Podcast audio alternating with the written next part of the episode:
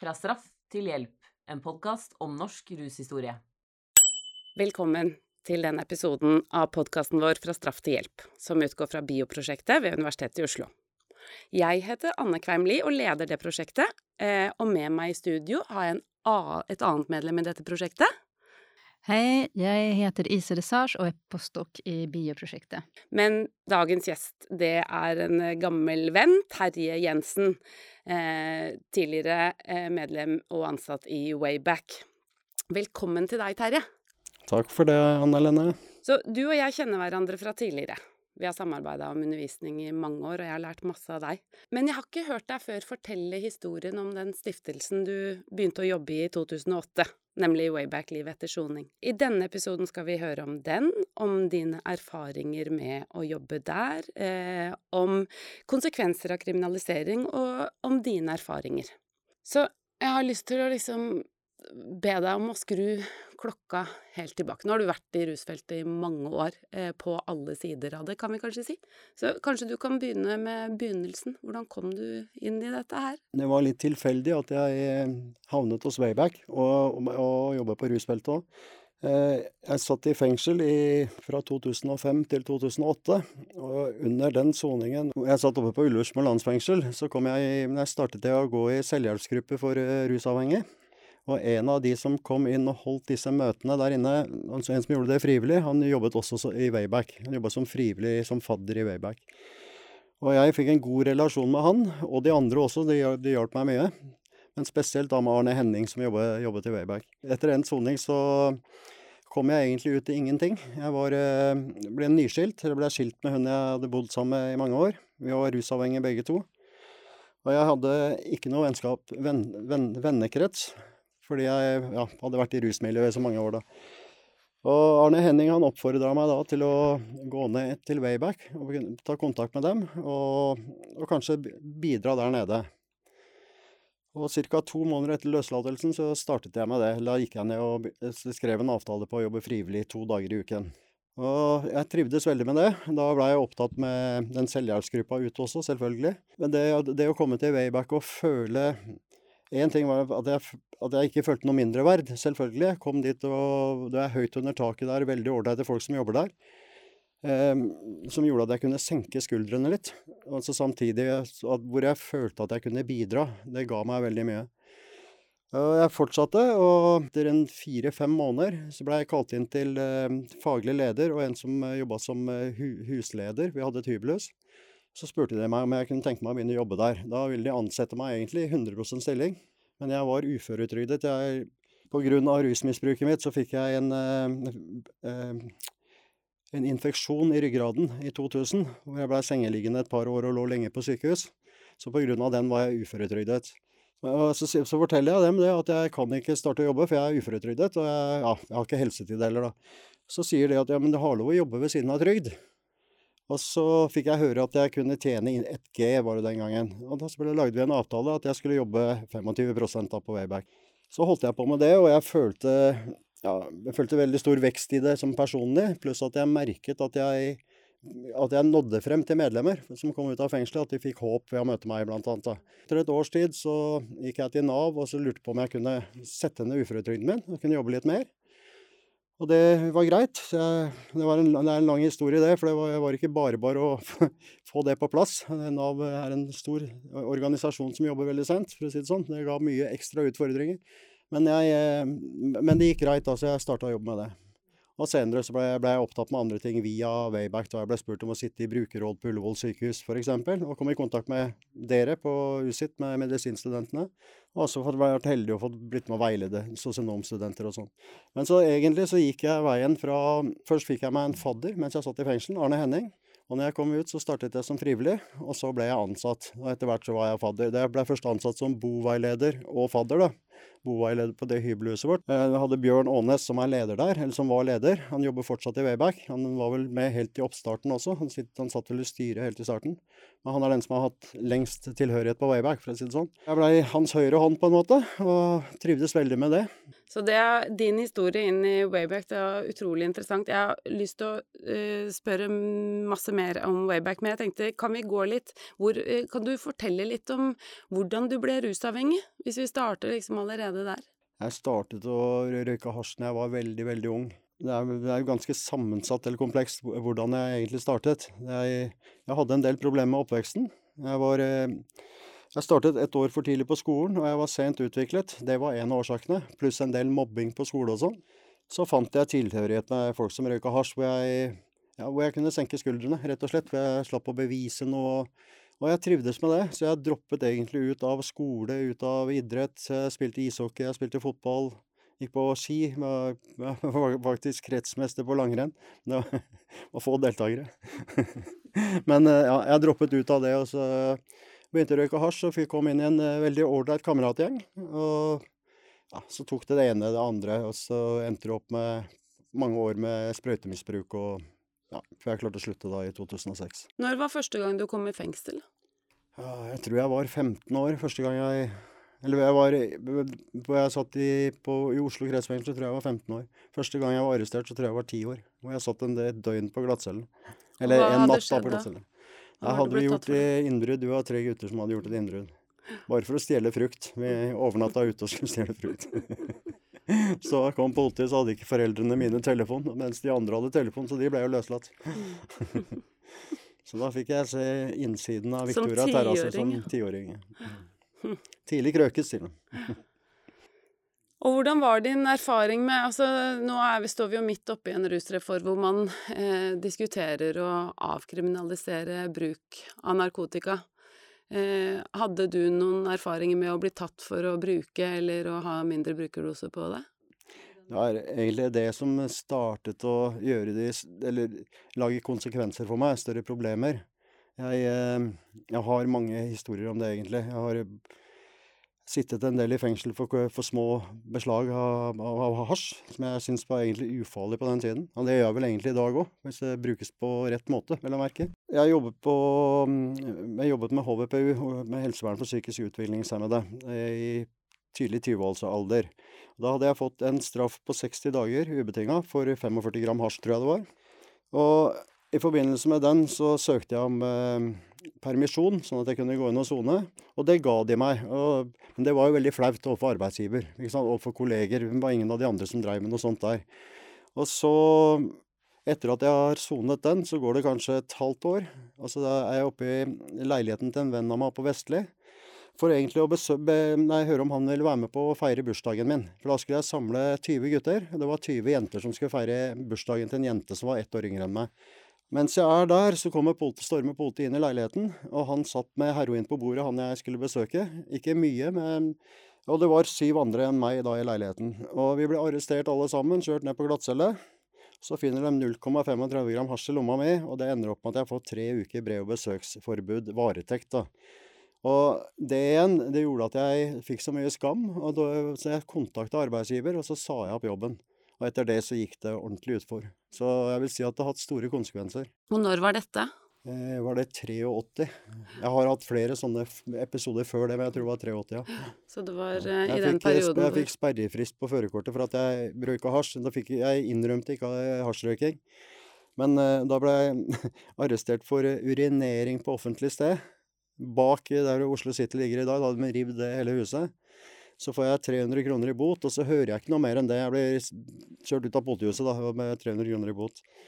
Og Så kjører jeg opp til førerkortet et halvt års tid etterpå, eller jeg har vært og tatt sjåførtimer og jeg skal ta teorikurset på Biltilsynet. Så ender det opp med at jeg har fått sperrefrist. Og det var bare av at de kjente meg for at jeg røyka hasj. Så jeg, ja. Så jeg syns de konsekvensene burde Ja, det er ikke noe bra i unge mennesker sånne konsekvenser, for det er store ringvirkninger i livene. Ja, dette var jo den aller hardeste straffekontrollpolitiske periode.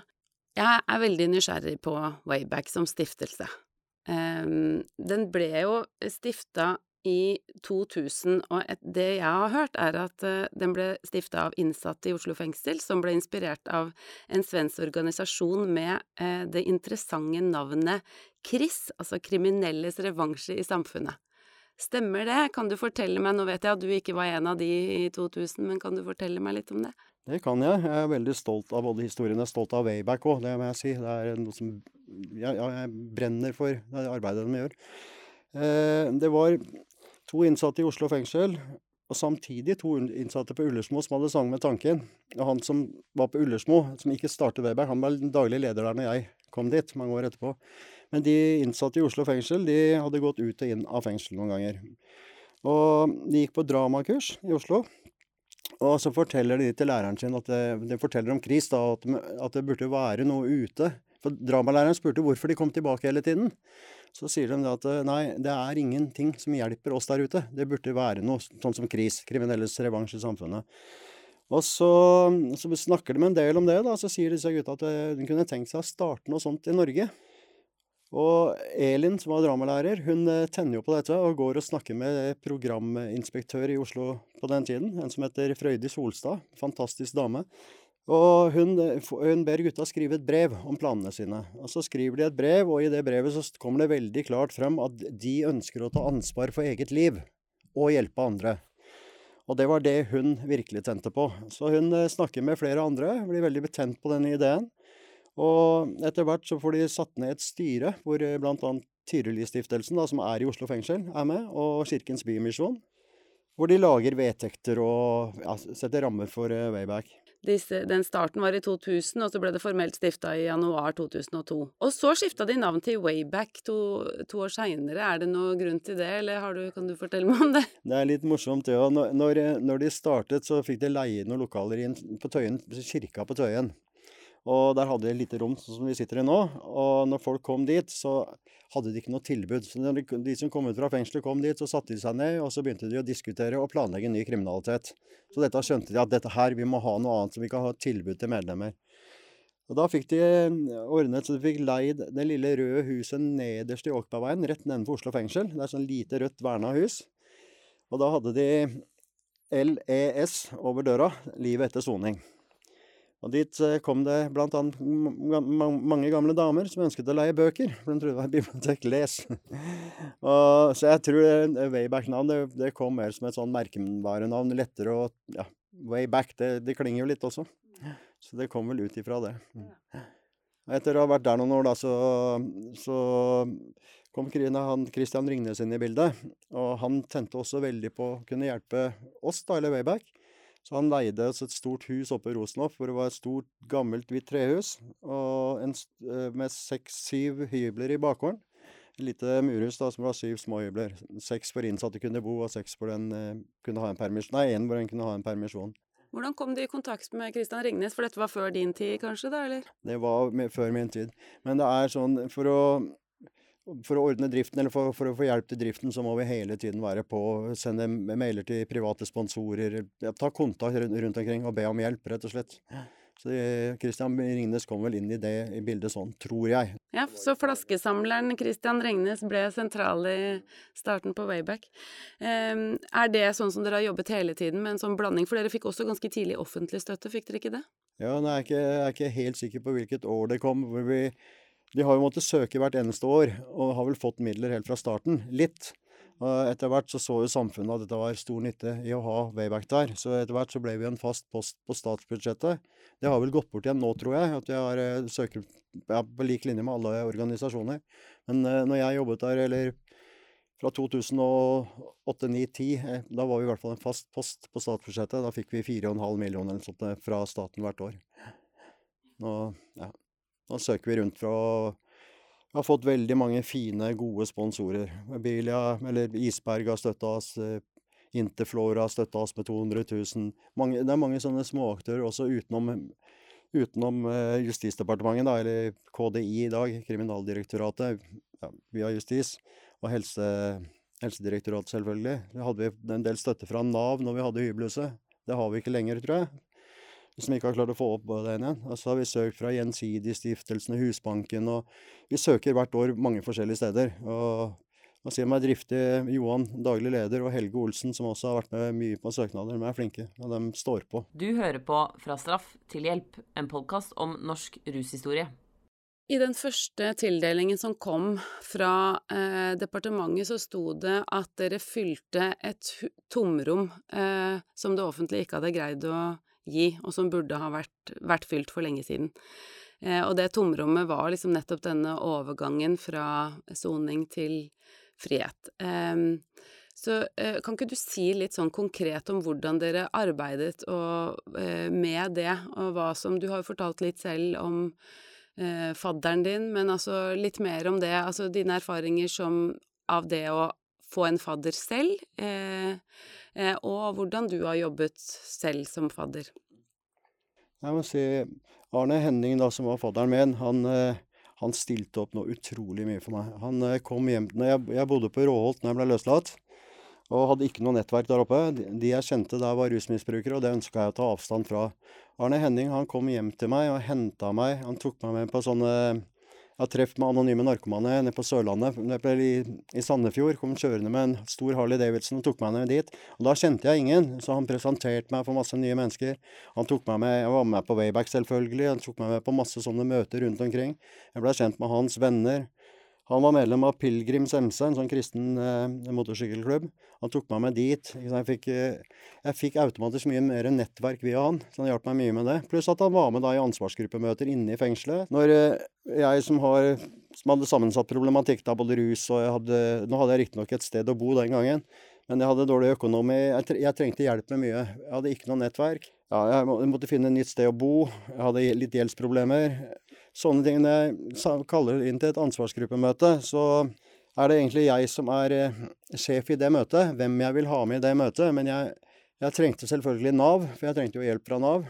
Eh, så tok jeg med Arne Henning, som var en støttespiller da, fra Wayback. Han var helt enorm, egentlig. Han tok veldig mye fokus bort fra meg i de møtene. For jeg satt og følte meg Jeg var nervøs, jeg følte meg liten. Sammen med, jeg satt med Nav, førstebetjent på, på Kroksrud fengsel, eh, lege var med. Og når jeg kommer og skal be om hjelp i en sånn situasjon, så føler man seg ganske liten. Og Arne Henning var god på å styre mye bort fra meg og støtta meg i mine krav og behov, da, eller ikke krav, men mine behov. Så en ansvarsgruppe består, er en gruppe som hjelper meg i dette tilfellet til å komme meg på beina igjen. Man kan ha med ja, hvem man egentlig ønsker, om det er familiemedlemmer, om det er eh, advokaten sin man trenger, eller om det er lege, fastlegen. er veldig fin å ha med, for fastleger har mye å si og blir lyttet til. Så det anbefaler jeg virkelig. Og I hvert fall de som har litt uh, helseproblematikk, eller om det er rusproblematikk. Så han hjalp deg med å bygge opp et nettverk, han var med på ansvarsgruppemøtet for å prøve å samordne hjelpa di og, og, og få deg til å fremme det du hadde mest lyst til, og så var det andre ting han hjalp til med, eller? Først og fremst så ga han meg egentlig håp, helt i starten, ja. Men han motiverte meg, han eh, Og den, den, jobben han gjorde mest, det var rett og slett å være en støtteperson for meg, som var der for meg på telefon. Jeg kan gi et eksempel. Når jeg kom fra nei, fra Ullersmo fengsel og over til Kroksrud, det er åpen soning. Jeg fikk være der de siste seks månedene eller sånn av soninga mi. Så besøker Arne Henning meg, så sier han 'Terje, kan du ikke søke frigang', sier han. Frigang til å hva, sier jeg. Nei, til å gå på NA-møter ute. Jeg kommer og henter deg, jeg kjører deg fram og tilbake hvis du får det, sa han. Og jeg søkte, og jeg fikk det. Uh, egentlig litt merkelig, for jeg hadde søkt om å gå på universitetet og leste X-fil, eller filosofi. Men det fikk jeg avslag på. Men jeg fikk lov til å gå på selvhjelpsgruppe på søndager. Men eh, det er sånne ting da han, eh, han kjørte jeg vet ikke hvor mange mil, ja, men 15 mil hver søndag. Han kom opp til Ullersmo og henta meg, eller på Kroksrud på Kløfta. Kjørte meg inn til Oslo, kjørte meg tilbake igjen, og kjørte seg selv hjem igjen etterpå. Nei, ja, jeg er enormt takknemlig for han. Hvordan ga han deg håp, da? Nei, Ved at han hadde vært der ute hvor jeg var, og hadde snudd livet sitt og hadde fått et godt liv i dag. Først og fremst. Ja, så han viste at det er mulig. Så da eh, Så hvis du For jeg har lest et eller annet sted i en av de evalueringsrapportene som ble gjort Det ble jo gjort en del Dere ba jo selv ganske tidlig om en evaluering, syns jeg var litt imponerende når jeg har gått tilbake til det nå. Så jeg tror den kom, den rapporten i Det var Fafo som gjorde den, tror jeg, i 2008 eller 2009? Var det kanskje akkurat Det var året jeg starta der, hvor de hadde bedt om det.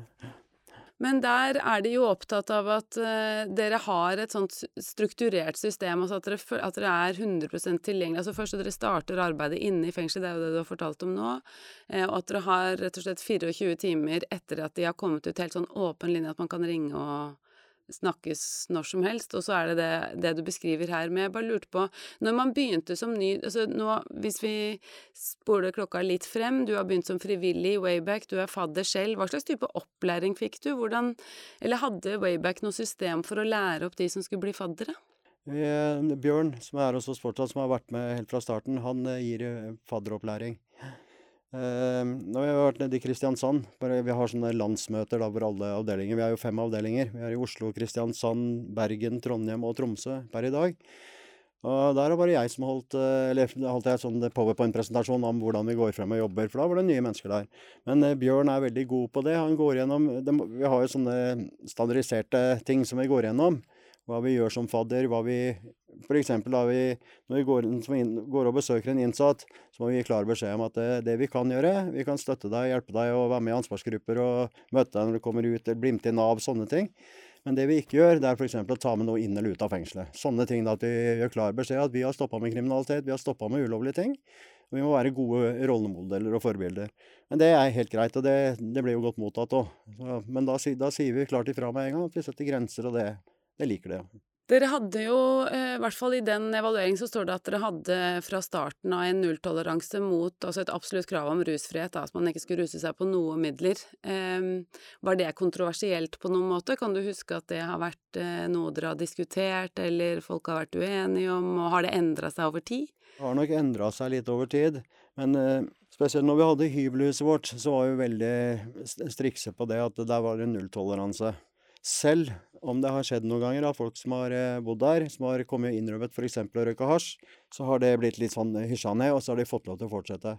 Men, eller ikke til å fortsette med å ruse seg, men de har fått lov til å fortsette å bo der. Ellers har det vært sånn at hvis, hvis det var noen som røyk på en positiv prøve, urinprøve, vi tok urinprøver og sånn, så var det rett ut.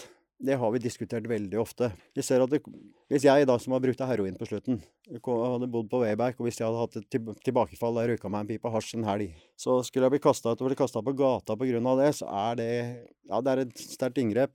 Og det har vi jo gjort. Eller jeg vet ikke om det blir kasta ut kun på hasjmisbruk, men det vi har sett hver gang det har vært noe misbruk der inne, og vi har sett gjennom fingra med det, så har det eskalert. Og Da er smitteeffekten veldig stor på de andre, så vi, til slutt så måtte vi bare sette foten ned. Og Det har vært steintøft. Jeg har kasta ut gamle venner av meg som skjeller meg ut og sier at jeg har glemt hvor jeg kommer fra. Men jeg må si det òg, i ettertid så har de vært takknemlige for det, for at vi satte grenser. Men i dag så ja, Hvis folk står på medisiner f.eks., så er de selvfølgelig velkomne til Wayback. Og hvis det, hvis det er et medlem som ruser seg, så er han fortsatt velkommen, men han er ikke velkommen til å være med den dagen være med på aktivitet eller komme og spise middag eller andre ting, da må man vente til i morgen. For vi vil ikke at det skal smitte. Det er det, den smitteeffekten er stor. Jeg ble jo kjent med deg, eh, Terje, i et undervisningsopplegg vi laget sammen om brukermedvirkning og har lært utrolig mye av deg. Eh, men brukermedvirkning i praksis er jo veldig vanskelig, og du har jo tenkt, både tenkt på og jobbet mye om det, og Wayback er jo en av de første organisasjonene i Norge som jobbet veldig aktivt med, eller brukerorientert. det skulle være en organisasjon som hadde tidligere innsatte og eller rusavhengige som medlemmer, eh, utelukkende, og dere skulle også eh, jobbe for å styrke brukermedvirkning inn i de aktivitetene dere hjalp til med å få i stand. Kan du fortelle litt om hvordan organisasjonen har jobbet for det? Altså, var det noe dere hadde dere noe rollespill, eller hvordan lærte du deg å bli så god på brukermedvirkning? Og hvordan reagerte tjenestene på det, for dette må jo ha vært veldig fremmed sånn i starten av 2000-tallet, eller midten? Jeg, er ikke sikker på hvordan de reagerte da, men jeg har mange eksempler i ettertiden mens jeg har vært med folk.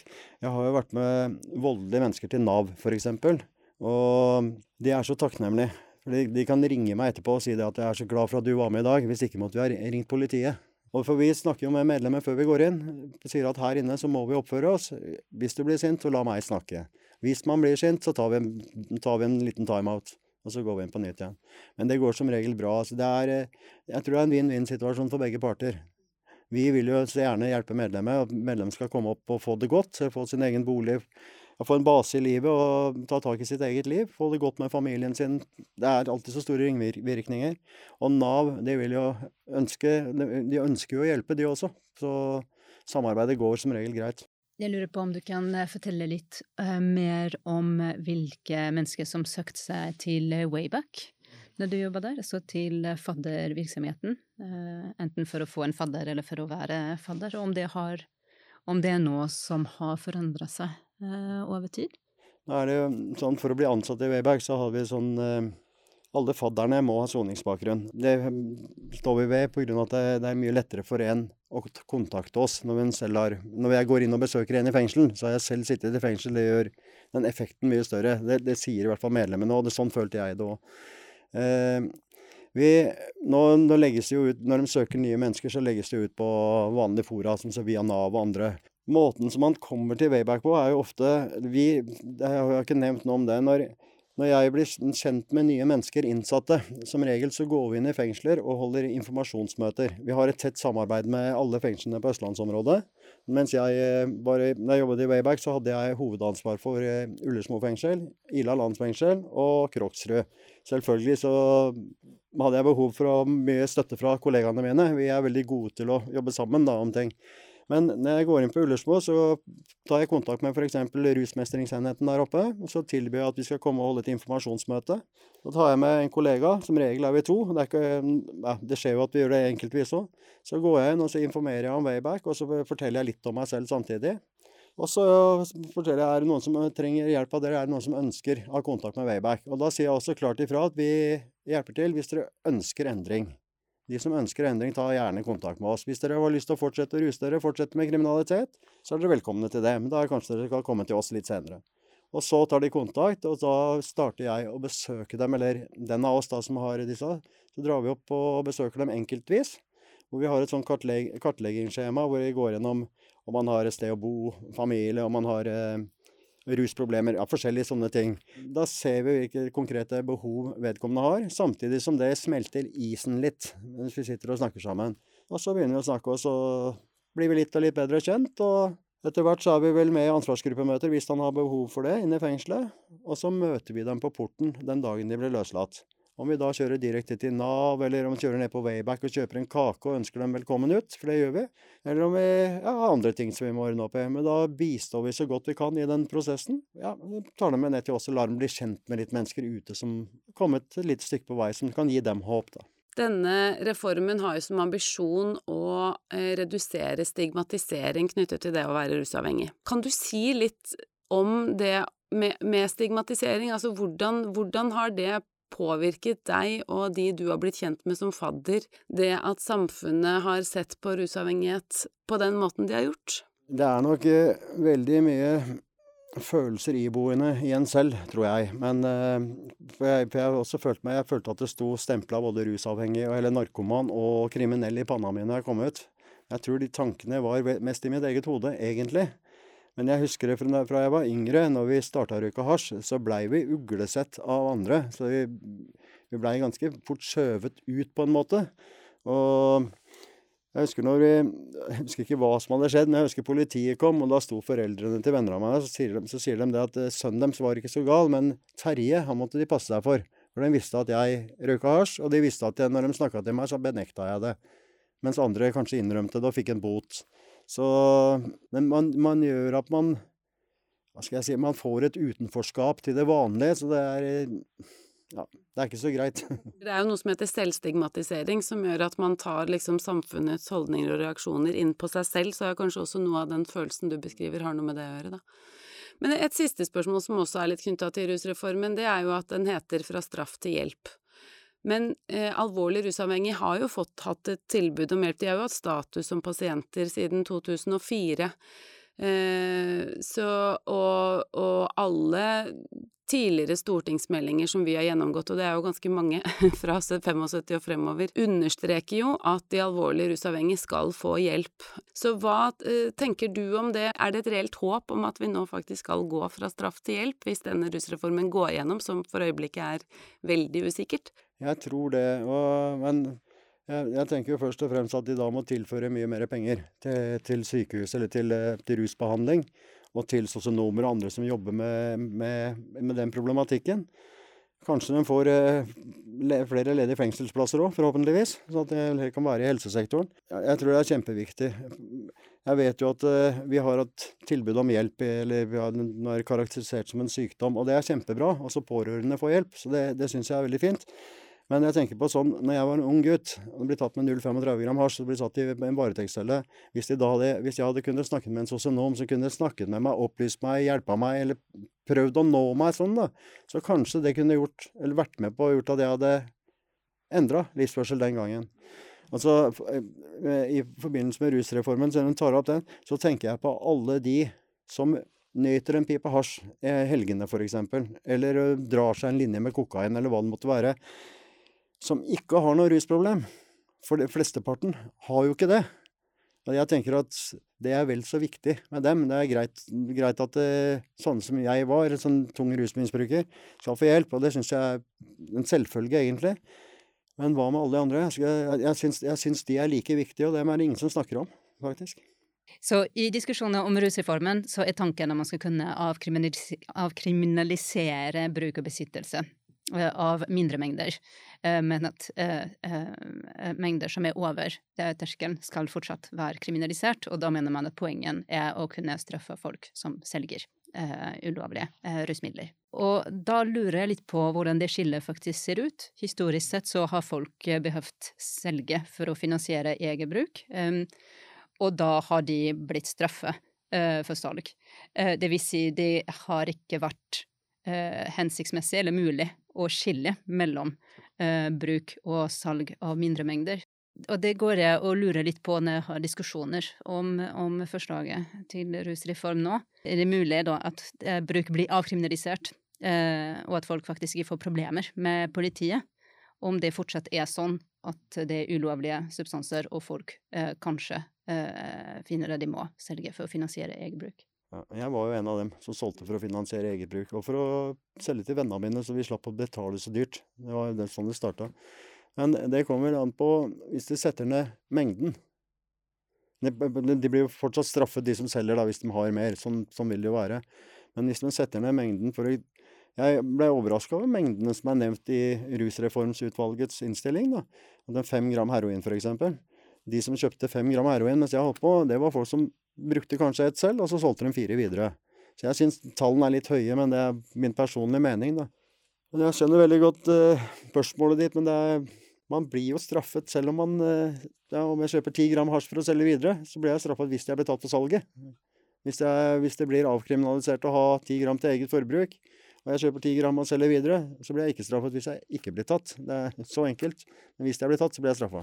Vi kunne snakket om dette Jeg, kunne, det er nysgjerrig på masse mer om Wayback eh, og om eh, alt du har snakket om. Men jeg tror vi må sette strek der. Terje, jeg er kjempeglad for at du kom eh, for å snakke med oss, og takk for at du stilte opp.